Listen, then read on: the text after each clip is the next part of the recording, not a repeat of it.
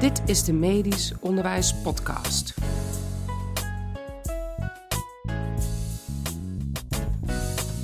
Leuk dat je luistert naar aflevering 17 van de Medisch Onderwijs Podcast. Mijn naam is Remco Haringhuis en ik maak deze podcast samen met Ron, Hugo en Mark.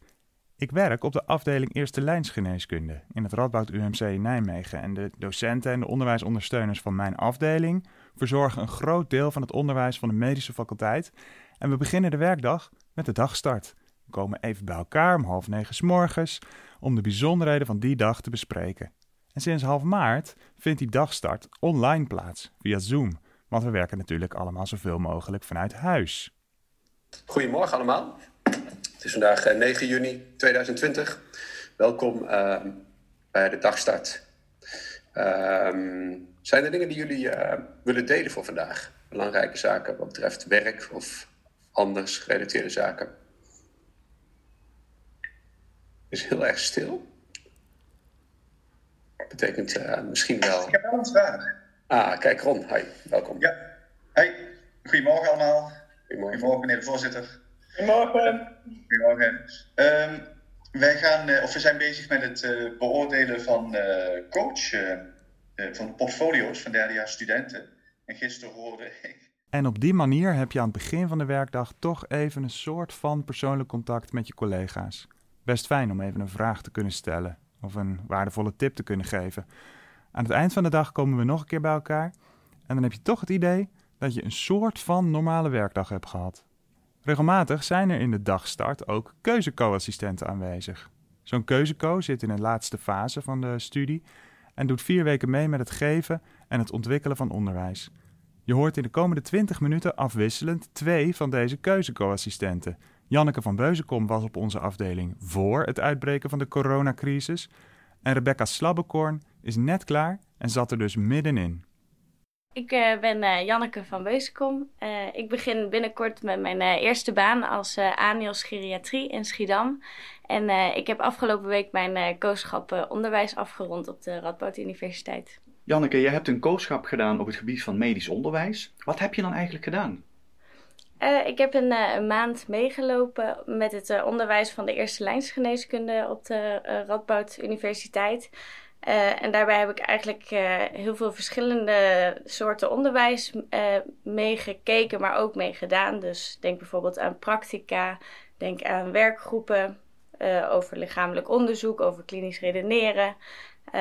Eigenlijk van alles en nog wat, maar vooral veel onderwijs gegeven helemaal in het begin van mijn kooschap heb ik nog wel het een en ander uh, geobserveerd van, van docenten om daar natuurlijk ook wat uh, van te leren. Um, maar daarna heb ik zoveel mogelijk zelf gedaan, omdat je daar natuurlijk ook het meeste van leert. En je zegt je hebt veel onderwijs gegeven. Ben je ook achter de schermen nog betrokken geweest bij onderwijs? Ja, ik heb uh, natuurlijk uh, op, de, op de afdeling van, uh, van alle onderwijskundigen hier rondgelopen. En daar heb ik ook gezien hoe het onderwijs ontwikkeld wordt en waarbij allemaal, ja, waar allemaal over nagedacht wordt.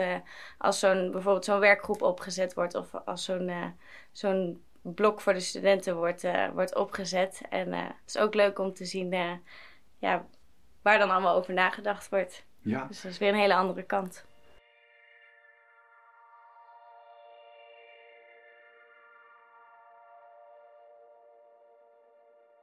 Nou, mijn uh, naam is Rebecca Slabbekorn. Ik ben laatstejaars geneeskundestudent. En ik heb uh, de afgelopen maand voor het keuze kooschap medisch onderwijs uh, gekozen. Dat heb ik gevolgd het afgelopen maand. En daarvoor ben ik betrokken geweest bij het ontwikkelen van onderwijs. ook het geven van onderwijs, met name voor bachelorstudenten. En nou ja, ik heb me gefocust vooral op hoe kunnen we het, het onderwijs, nu digitaal met corona, zo interactief mogelijk houden. Ja, want we zitten midden in de coronacrisis en alles is dan heel anders. Ja, het begint al dat ik thuis zit achter de laptop. In plaats van uh, nou ja, in, het, in het gebouw waar je eigenlijk zou zijn. Uh, dus alles gaat digitaal. Uh, collega's digitaal en ook de colleges met studenten. Alles is via, via, nou ja, via de computer. Dus dat is wel apart. Ja, ik ben heel benieuwd wat er dan goed gaat digitaal en wat er niet goed gaat. Komen we zo meteen op. Um, maar eerst, wat, uh, ja, wat heb je daaraan, uh, uh, heb je er wat aan gehad dat jij eigenlijk ja, bijna klaar bent met je studie en dan nu al onderwijs maakt? Maakt het uit dat je zelf eigenlijk nog maar net klaar bent? Ja, ik denk op twee manieren kan het wel um, heel handig zijn eigenlijk. Omdat aan de ene kant sta ik wel nog dicht bij de studenten. Dus dicht bij de doelgroep die je wil bereiken. Um, dus daar kun je ook wel veel input um, voor geven, denk ik. Aan de andere kant is het ook voor mij... Uh, ja, je bent bijna arts, dus dan probeer je het ook vanuit die andere kant weer te zien. Dus op die manier denk ik dat het juist wel heel, heel veel uh, meerwaarde heeft. Ik heb een aantal studiegenoten die nog iets eerder um, in de studie zijn. Um, het is voor mij echt de laatste maand, maar een, uh, een, paar studiegenoten van mij die lopen een paar maanden achter. Nou ja, en die zitten natuurlijk echt nu midden in het thuis studeren en digitaal studeren. En nou ja, via hun hoor je ook toch wel de perikelen en waar ze tegenaan lopen. En uh, goh, deze docent deed dit en dit werkt ook echt niet. Dus dan sta je al veel dichterbij. Ja. Um, ja, dus ik denk dat de lijntjes naar mij met de studenten dat die, dat die korter zijn.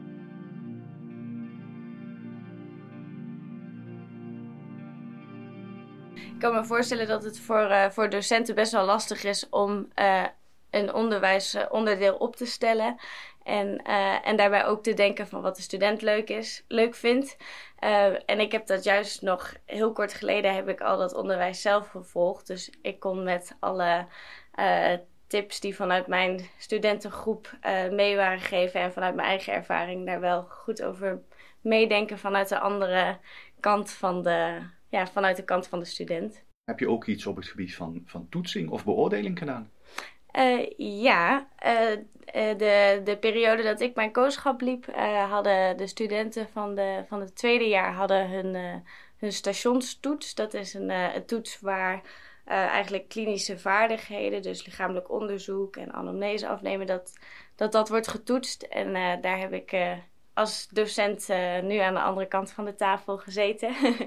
en ja, die toetsen mee afgenomen. Ik heb uh, meegeholpen aan de um, toetsende werkgroep klinisch redeneren. Um, dus ja, dat is een werkgroep die je normaal natuurlijk fysiek doet en waar studenten dan um, nou ja, echt heel actief antwoorden moeten geven en het hele klinisch redeneren proces moeten doen. En dat moesten we nu digitaal doen, dus dat ook, was ook wel een uitdaging. En je ziet dan al die studenten op kleine beeldjes op je beeldscherm. En dan moet je ook beoordelen of ze het wel goed genoeg doen, dat klinisch redeneren. Ja, nou dat is dus al heel lastig, omdat we werken met Virtual Classroom. En dan kun je maar zeven camera's in beeld hebben, maximaal. Ja, dat is een soort van Zoom, maar dan in Brightspace. Ja, ja. dat klopt. En um, nou ja, de studentengroep die we hadden, die uh, bestond uit geloof ik twintig studenten. Dus ja, die kunnen dan al niet allemaal in beeld zijn.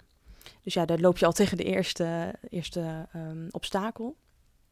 Dus uh, nou ja, je ziet wel hun naam in beeld. En we hebben wel eventjes gecontroleerd van... goh, uh, zijn we er allemaal? Doet jullie microfoon het? En dan moesten ze even antwoord geven. Maar goed, je hebt ze dus niet in beeld. Um, en verder hebben studenten van tevoren een opdracht moeten maken, moeten inleveren. Daar werden ze deels al op getoetst. En nu tijdens deze werkgroep um, ja, werden ze toch ook wel getoetst op inbreng en het actief meedoen. Uh, wat maakt dat je als docent heel goed in de gaten moest houden als iemand wat zei: Goh, wie, wie praat er nu? En uh, wat zegt diegene? Is het inhoudelijk ook nog uh, goed? En wie komt er minder aan bod en wie moet ik nog iets meer beurten geven? -huh. En dat vond ik als docent, van de docentkant wel heel pittig. Want je moet wel echt veel dingen in de gaten houden dan. Ja, lukte dat? Um, nou, het fijne was dat ik samenwerkte met een andere huisarts, dus met een andere docent. En dan kun je met z'n tweeën een beetje in de gaten houden. Maar het is wel echt, echt lastig, omdat je dus ook de studenten niet in beeld hebt. Je ziet ze ook niet. Ja. En heb jij het idee dat je ze nou goed hebt kunnen beoordelen? Ja, dat vind ik lastig, omdat toch als je fysiek de studenten ziet, dan um, zie je ook soms als iemand iets wil zeggen, maar net op het verkeerde moment door, door iemand anders heen wil, of hè, dan weet je, daar moet ik nog iets meer aandacht aan besteden. Nu moeten alle studenten echt bewust om de beurt praten en hun moment zoeken om uh, inbreng te geven. Waardoor ik me kan voorstellen, als je van nature iets stillere student bent, um, dat het toch wel moeilijk is om dan um, voor jezelf op te komen, zeg maar. Ja, en dat, daar wil je als docent ook wel extra aandacht te geven. Maar ja, dat, dat blijft dus lastig, omdat je ze niet ziet.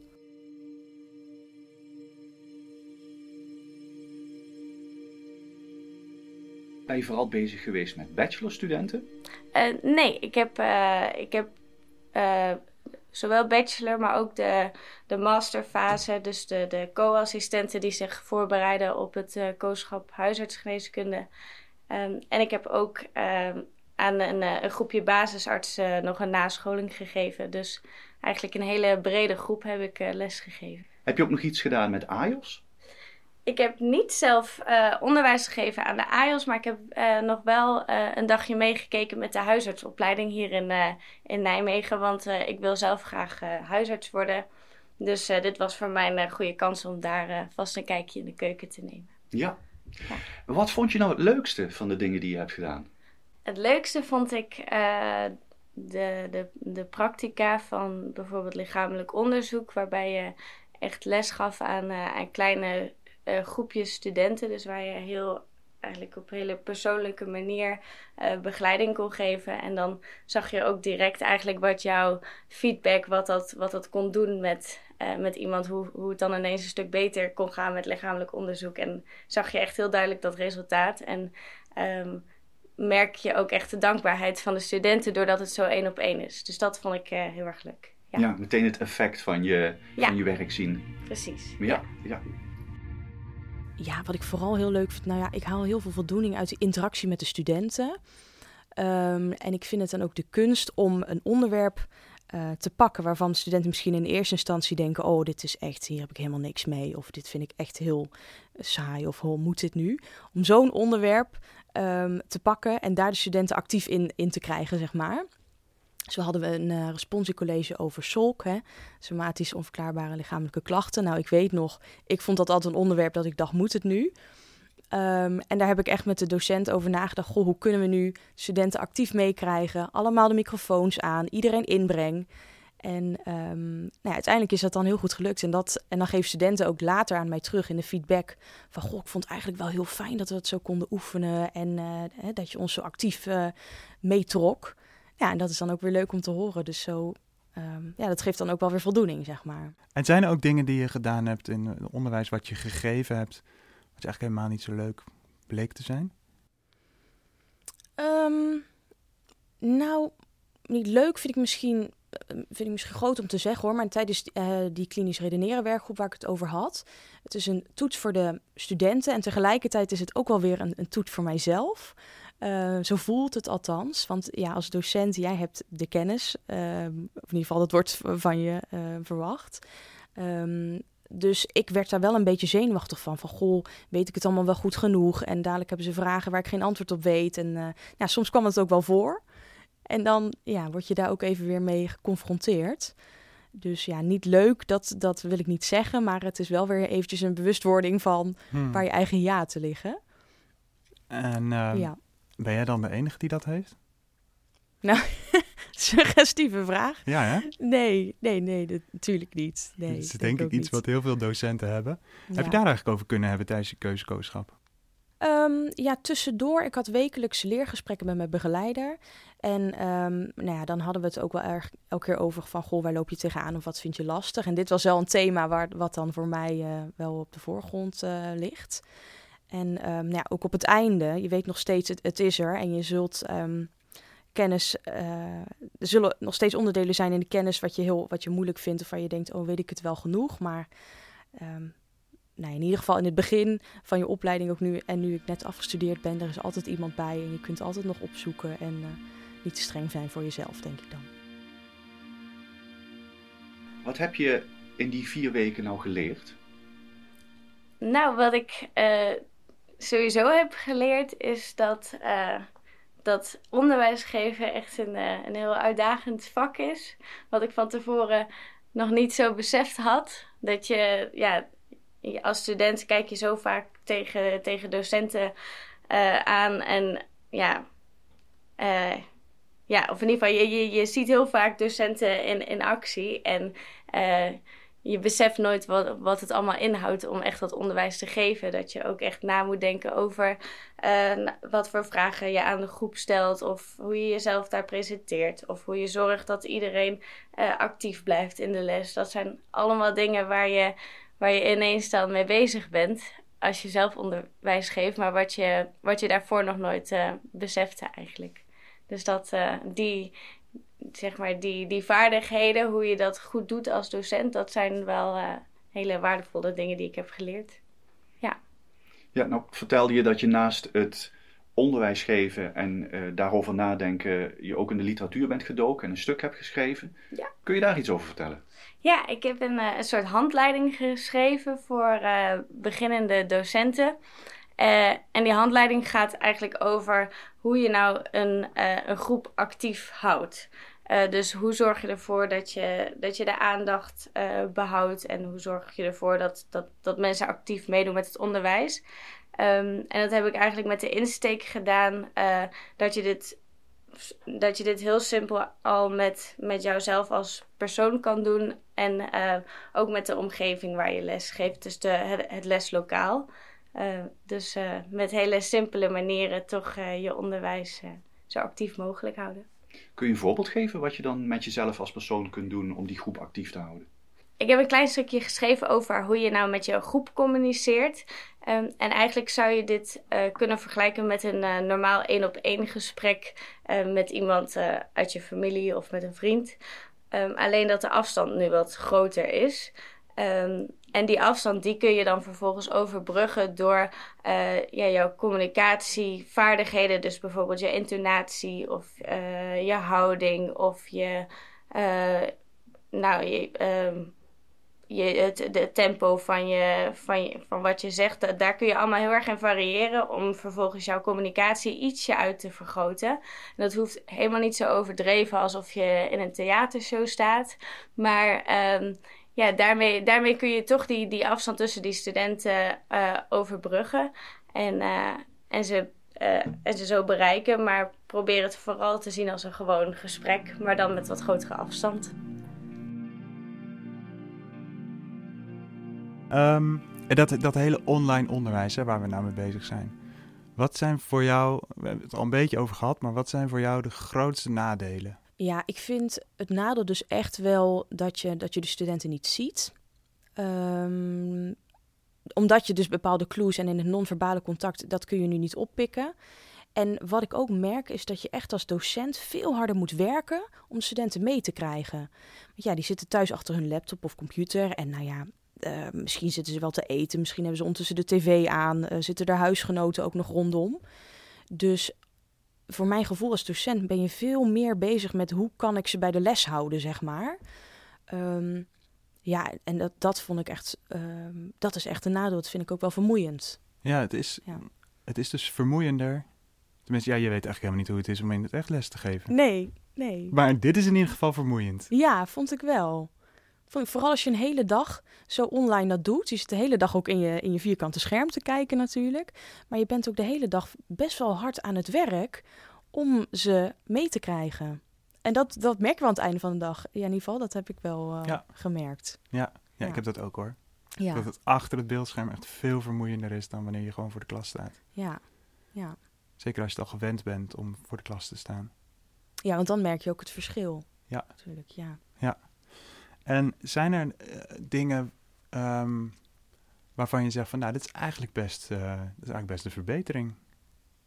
Dit zouden we eigenlijk moeten blijven doen. Ook als we weer bij elkaar kunnen komen, dat we bepaalde dingen online blijven doen. Ja, ik denk dat er op zich wel gekeken kan worden van, goh, waar hebben we echt nog dat fysieke contact voor nodig? En wat kan een student zelfstandig doen?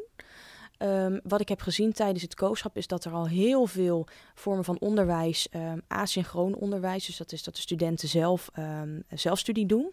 Dat er heel veel uh, vormen daarvoor zijn ontwikkeld nu. Wat, wat, ik denk, nou, het is echt super. Het zijn uh, programma's waar je, waarbij je uh, communicatie kan oefenen. Er zijn verschillende kennisclips, e-learnings. nou ja, waarvan ik denk, um, had ik het maar in de bachelor gehad, zeg maar, zo goed. Wij hadden natuurlijk echt boeken en gewoon opdrachten en dan moest je schrijven. En nu, um, hoe dat allemaal digitaal is ingericht, nou ja, ik, ik denk dat dat iets, iets heel goeds is. En dat je dan dus moet kijken van, goh, waar hebben we nu echt het fysieke um, contact met elkaar nog voor nodig? en dat je daar dus meer tijd en meer aandacht aan besteedt. Maar de dingen die er nu al gemaakt worden online en hoe verbetering daarin zit, zeg maar, de ontwikkelingen die daarin zijn, ik denk dat dat ook weer heel veel meerwaarde heeft. Dat moeten we vasthouden. Ja. Nu is het een keuzekooschap geweest van jou. Ja. Dus niet iedere co-assistent uh, die doet uh, dit. Co-assistenten zijn een opleiding tot arts. Ja, dit, dit is toch een soort uh, zijpaadje daarvan. Voor wat voor co-assistenten zou dit nou een geschikt kooschap zijn? Ja, um, ik heb dit zelf gekozen omdat ik zelf geïnteresseerd ben in het onderwijs en dit later ook wil gaan geven. Maar ik denk dat het voor iedereen sowieso voor alle dokters best wel waardevol kan zijn. Want in de spreekkamer leg je ook continu dingen uit. En is het ook belangrijk dat je jouw uh, informatie uh, ja, helder overbrengt. En dat is precies ook wat je doet bij onderwijs geven. Dus uh, ik denk dat, ja, dat zo'n kooschap je in je artsenvak ook heel erg kan helpen. Dat het een soort ja, basisvaardigheden zijn die je kunt leren. Um, maar daarnaast uh, denk ik ook dat, nou ja, dat het goed is om wat, wat breder te kijken dan de, dan de kliniek. Want mensen denken vaak dat het, ja, als je dokter wordt, dan werk je alleen maar in het ziekenhuis. Maar er zit juist uh, ja, ook nog een hele wereld achter die ervoor zorgt dat de, dat de nieuwe artsen worden opgeleid. En ik denk dat het heel goed is om daar ook onze energie in te stoppen. Ja. Dus mensen die ook wat breder willen kijken. ja. Ja. Nu luisteren ook uh, docenten en onderwijsontwikkelaars naar de podcast.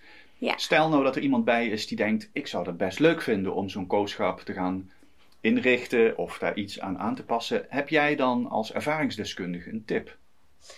Uh, ja, wat, uh, wat ik heel belangrijk vond bij mijn kooschap was dat, dat ik echt mijn eigen kooschap maakte. dus dat ik zelf uit kon zoeken wat voor soort onderwijs ik nou interessant vond. En waar ik gaandeweg mijn kooschap, waar nog mijn, mijn leerdoelen lagen en hoe ik die dan in kon vullen. Dus ik zou de docenten mee willen geven om het vooral zo persoonlijk mogelijk te maken en, en de studenten aan het roer te laten. Ja, wat ik echt wel leerzaam vond, is dat je dus de combinatie hebt tussen het, het geven van het onderwijs en ook het meedenken over het ontwikkelen van het onderwijs. Want zo ben je bij het hele proces betrokken. Je denkt ook achter de, uh, achter de schermen mee, goh, um, hoe, hoe moeten we het aanpakken? Uh, hoe, kunnen we het op de, hoe kunnen we het op de beste manier doen? En als je het onderwijs vervolgens ook zelf geeft, dan krijg je ook feedback van zo, hoe ging het nu en wat vonden studenten ervan? Dus sowieso die combinatie is denk ik belangrijk. En um, wat ik ook nog wel mee wil geven, soms, nou ja, als student of ook als docent, denk je, nou ja, ik weet niet of ik hier um, de student wel mee moet betrekken. Of goh, is het nou wel interessant voor je om mee te lopen of mee te kijken. Maar uiteindelijk is bijna alles interessant en leerzaam. Dus ook al heb je een onderwijsonderdeel waarvan je denkt, ja, goh, um, is dit nou wel iets of ik kan je weinig bieden? Ja, bied het gewoon aan, want uiteindelijk heb je er altijd wel iets uit te halen, denk ik. Ja. En zijn er nog speciale eisen aan zo'n begeleider? Um, nou, laagdrempelig aanbieden van, van onderwijs en meeloopmogelijkheden. En wat ik dus in mijn, bij mijn begeleider heel fijn vond, was dat je even wekelijks dat contact hebt om met elkaar te sparren van, goh, waar staan we nu? En ook, wat zou je nog willen? Um, en dat, dat vond ik heel fijn. Dankjewel dat je hierover wilde vertellen. Ja, graag En gedaan. succes met je carrière als dokter. Ja, dankjewel. Ja, bizar. Wat is er bizar aan? Nou, je, je bent zo lang aan het studeren en uh, opeens ben je het. Zo voelt het wel een beetje. Dus, uh, nou ja, ik moet zeggen, ik ben nu natuurlijk al zes jaar bezig en je werkt zo lang toe naar dit moment. En dan ineens is het daar en dat is toch wel een beetje gek. Ben je er klaar ja. voor? Ja, ben je er klaar voor? Nou ja, ik hoop het. Ik hoop het. Ik denk het wel hoor, maar het is natuurlijk echt het begin van een nieuw tijdperk, dus uh, het is wel spannend.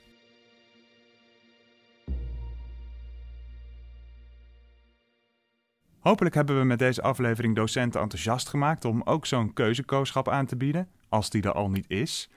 En als er studenten luisteren die net als Janneke en Rebecca geïnteresseerd zijn in het geven en het maken van onderwijs, neem dan vooral contact op met de docenten van jouw instelling.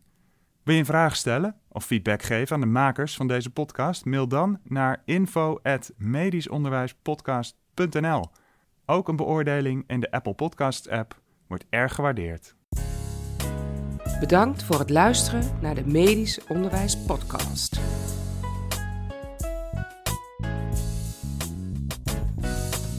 Oké, nou, ehm, ik stel voor dat we afsluiten. Uh, ik wens jullie allemaal een fijne werkdag en eh, wellicht tot vier uur. Dag allemaal.